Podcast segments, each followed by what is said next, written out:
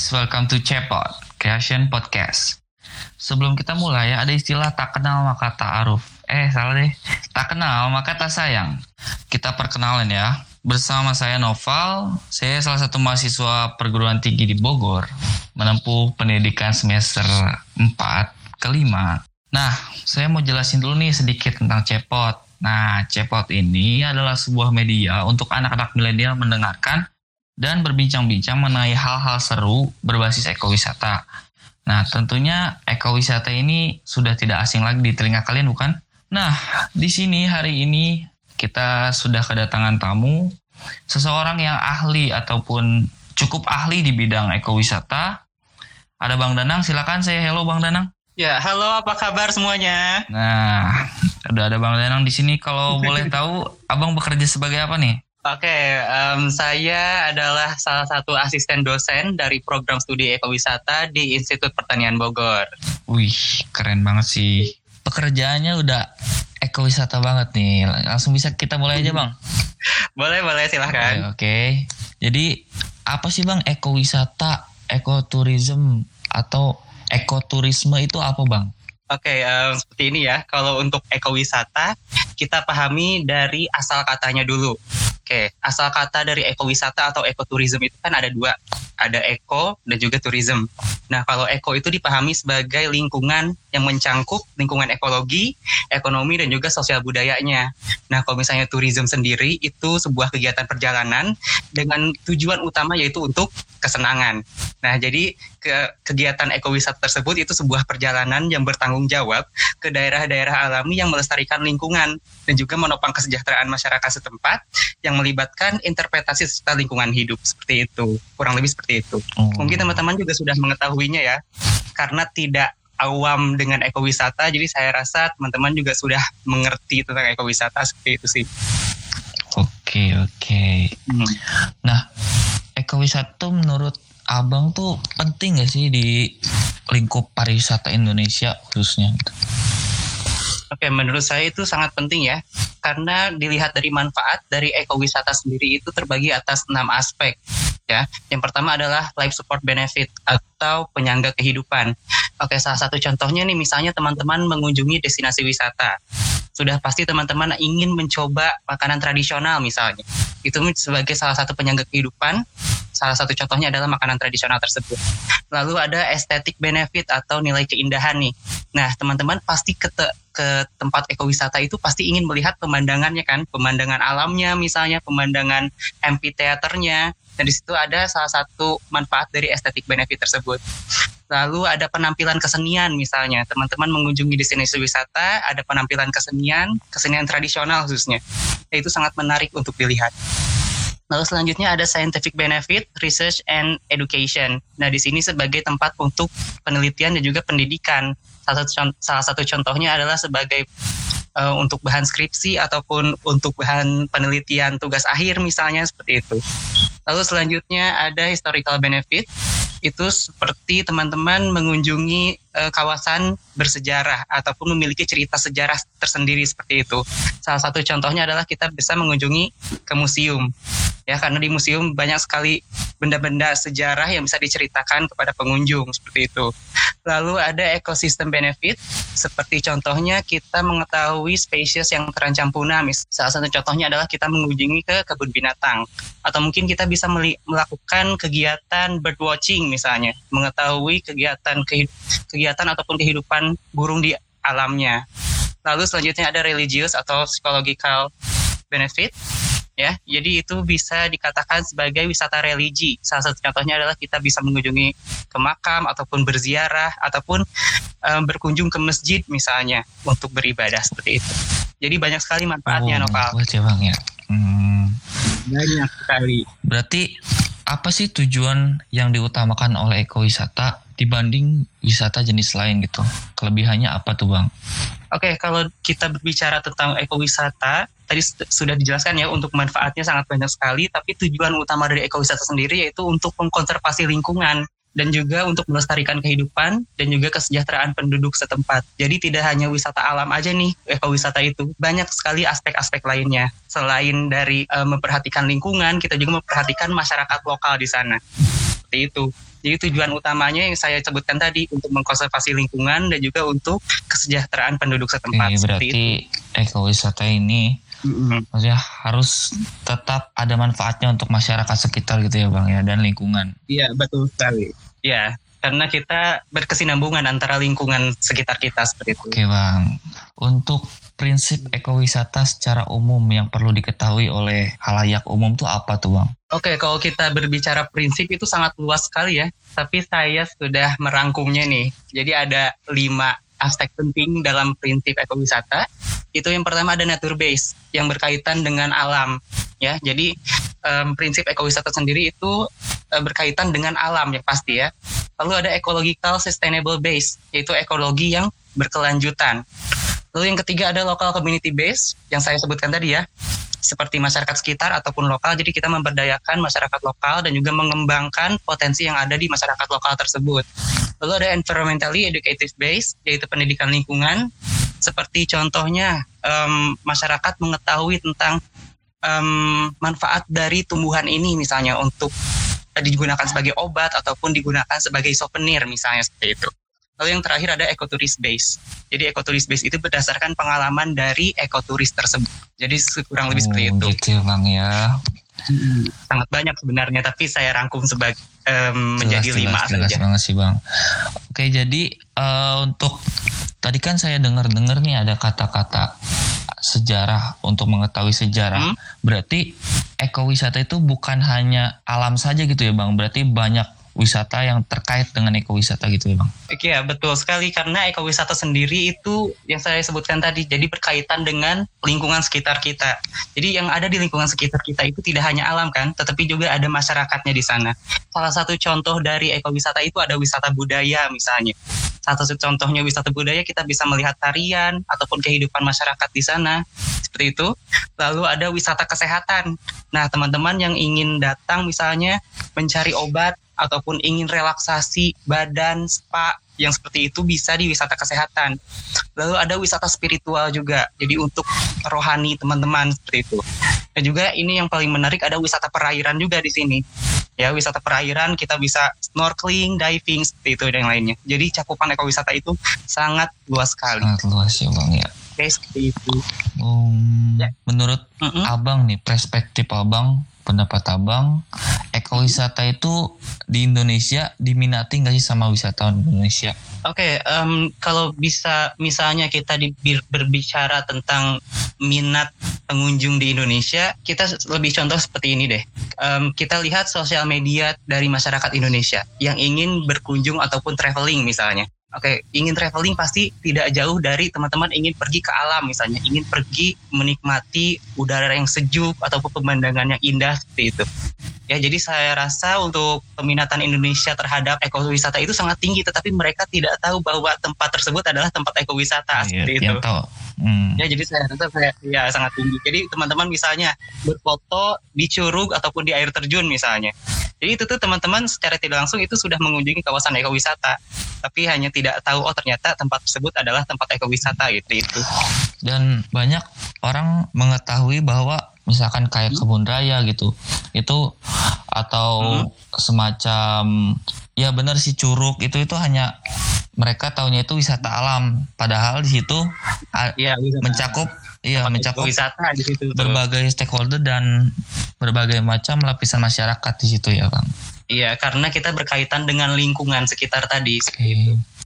menurut abang siapa sih pelaku ekowisata itu pelakunya tuh siapa aja gitu? Oke, okay, kalau pelaku ekowisata itu sangat banyak. Cuman saya menyebutkan ada empat empat sampai lima pelaku ekowisata. Yang pertama adalah pemerintah. Yang pasti karena kalau tidak ada pemerintah, kita tidak ada yang mendukung dari kegiatan ekowisata tersebut. Baik pemerintahan pusat maupun pemerintahan daerah seperti itu. Lalu ada dunia usaha.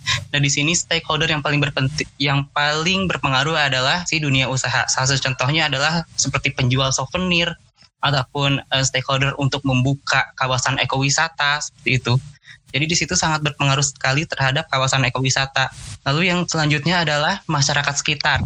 Nah, di sini karena ekowisata itu ber, berbasiskan dengan lingkungan dan juga masyarakat sekitar, yang pasti ada masyarakat sekitar di pelaku ekowisata sendiri. Nah, yang terakhir adalah kita sebagai pengunjung ataupun sebagai wisatawan yang berkunjung ke ekowisata tersebut. Oh, seperti, seperti itu. ya, Bang. Ya. Mm -mm. Lanjut ke sebesar seberapa besar ya. sih dampak atau pengaruh ekowisata terhadap pariwisata Indonesia? Oke, okay, kalau misalnya kita berbicara dampak, um, kita bahas dari dampak positifnya dulu kali ya. Oke, okay, dari dampak ekologinya. Jadi kalau misalnya di ekowisata kurang lebih kita melihat dari tiga segi dampak. Yang pertama ada dampak ekologi, ada dampak ekonomi dan juga dampak sosial budaya. Kalau untuk dampak ekologi untuk kawasan ekowisata sendiri yang pertama ya sudah pasti uh, dampak positifnya sebagai pengenalan untuk kawasan ekologi sendiri. Jadi orang-orang tuh tahu oh ternyata ada um, kawasan ini memiliki ekologi yang seperti ini seperti itu ya. Lalu ada um, ekonomi dari segi ekonomi salah satu yang paling gampangnya adalah uh, masyarakat lokal misalnya menjual souvenir akan sejahtera hidupnya karena sudah memiliki pekerjaan misalnya seperti itu. Lalu untuk sosial budaya yang paling penting misalnya kelestarian kebudayaannya itu. Oke, jadi untuk manfaat-manfaat itu sangat banyak sekali dan sangat um, luas sekali untuk dampaknya sendiri. Apalagi untuk pengaruh ekonomi masyarakat sekitar pasti berdampak banget apalagi ya bang. Di Indonesia kan kaya banget sama sumber daya alamnya bisa dimanfaatkan tanpa merusak gitu ya bang ya. Iya betul sekali. Jadi jadi banyak sekali manfaat-manfaat yang yang bisa didapatkan oleh masyarakat sekitar seperti itu. Tidak hanya menjual souvenir tapi juga menjadi porter misalnya, menjadi pemandu di kawasan tersebut, menjadi misalnya ada orang datang ke tempat destinasi wisata terus memiliki bahasa daerah bisa diajarkan kepada pengunjung penggunaan bahasa daerah itu. Jadi banyak sekali manfaatnya. Oke, banyak banget manfaatnya. Terus menurut Abang bagaimana sih cara mengembangkan atau mempromosikan ekowisata oleh generasi milenial nih bang?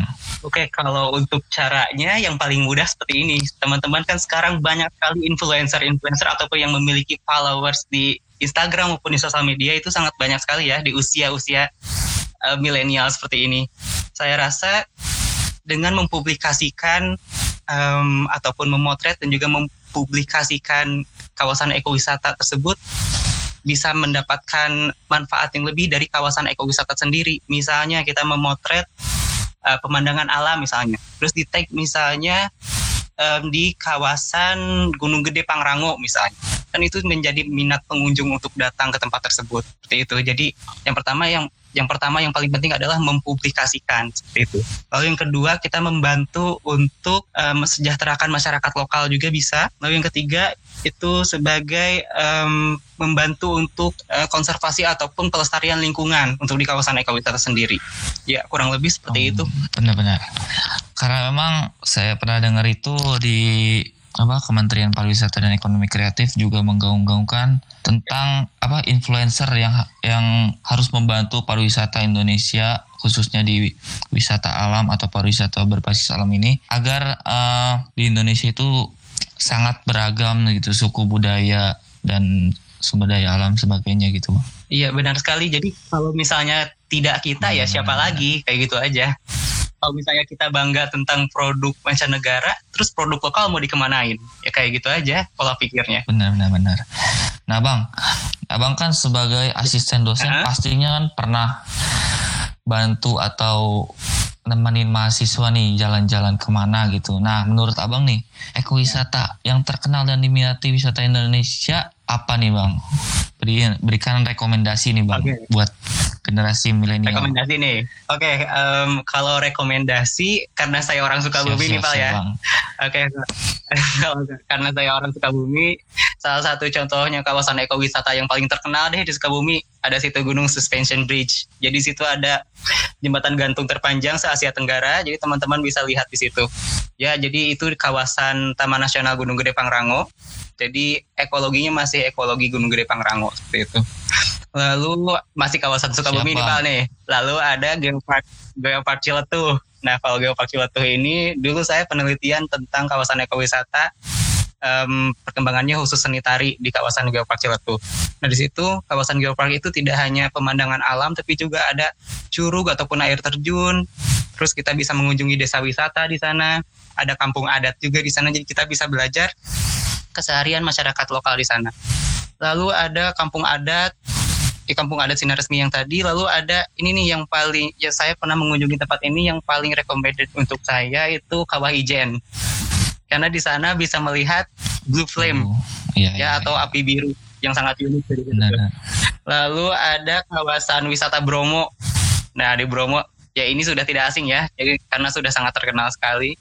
Lalu kalau misalnya teman-teman yang di Sumatera nih bisa ikut ke Tangkahan Ekoturism Binjai di Sumatera Utara. Di situ kawasannya sudah e, melibatkan ekowisata banget di situ.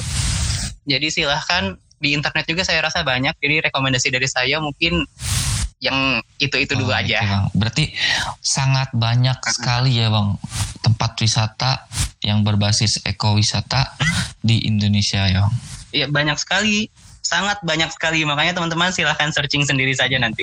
Benar, pasti benar. banyak sekali apalagi wisata alam ini kan nggak mahal gitu ya bang ya. Lebih murah daripada wisata buatan gitu ya bang. Iya benar sekali. Kayak misalnya teman-teman pergi ke air terjun deh jangan jauh pergi ke air terjun misalnya.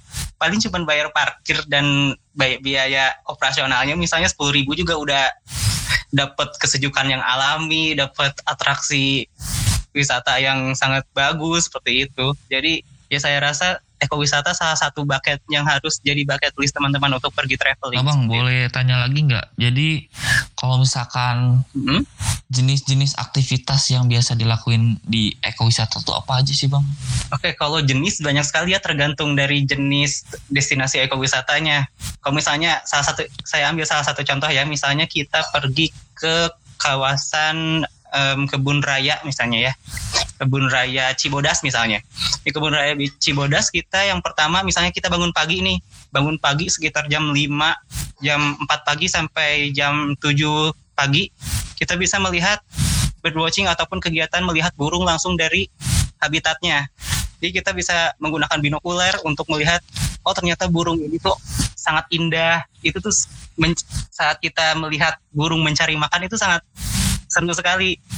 Nah lalu kita di siang misalnya um, kita bisa outbound di situ, kita bisa um, trekking ataupun mengelilingi kawasan dengan melihat pemandangan sekitar. Jadi sambil kita jalan-jalan sambil sejuk juga menghirup udara seperti itu. Lalu malam kita bisa glamping, ya bakar api unggun seperti itu dan masih banyak lagi sebenarnya. Ya, keren banget sih gila. Kalau misalkan bisa ngelihat burung misalkan burung kasuari langsung dari habitatnya. Nah di, ya langsung dari habitatnya. Jadi burung itu lagi terbang terus kita lihat oh, ternyata yang bi yang biasanya kita lihat di kebun binatang misalnya kita lihat langsung di kawasan aslinya. Keren banget sih pasti sih. Yang pasti harganya yang hmm. terjangkau ya bang ya. Nggak mahal banget terjangkau gitu. sekali. Sangat terjangkau. Wah ekowisata tuh keren banget ya bang ya Nah dari abang sendiri nih ada nggak pesan yang ingin disampaikan hmm. untuk teman-teman pendengar pendengar cepot? Oke kalau pesan saya, ayo kita mulai untuk mencintai produk kita sendiri. Karena Indonesia tuh kalau misalnya teman-teman lihat sangat luar biasa sekali dan bikin merinding kalau menurut saya. Jadi jangan jangan hanya kita bangga dengan dunia luar tapi juga di Indonesia sendiri itu sangat banyak sekali potensi yang belum kita um, belum kita dapatkan dan belum kita lihat seperti itu. Jadi ayo kita mulai cintai produk lokal dan kembangkan um, dan juga kasih tahu ke dunia bahwa Indonesia itu sangat luar ya. biasa. Wonderful Indonesia ya bang ya. Eh, wonderful nah, Indonesia. Oke okay, teman-teman itu tadi pembahasan kita tentang ekowisata yang pasti keren banget dan bermanfaat banget. Hmm. Nah terima kasih buat bang Danang hmm. nih karena telah bersedia sharing ilmu yang bermanfaat buat kita tentang ekowisata. Oke, itu tadi pembahasan kita tentang ekowisata yang keren dan pastinya bermanfaat untuk kita semua. Terima kasih kepada Bang Danang karena telah bersedia sharing ilmu yang bermanfaat untuk kita. Oke, teman-teman, saya mau menyampaikan bahwa Creation ini selain kita buat podcast, kita juga ada acara seru yang pastinya kalian tunggu-tunggu banget nih. Penasaran kan? Tetap stay tune aja di Instagram Creation dan jangan lupa tetap saksikan podcast-podcast selanjutnya dari Cepot ini. Terima kasih. See you.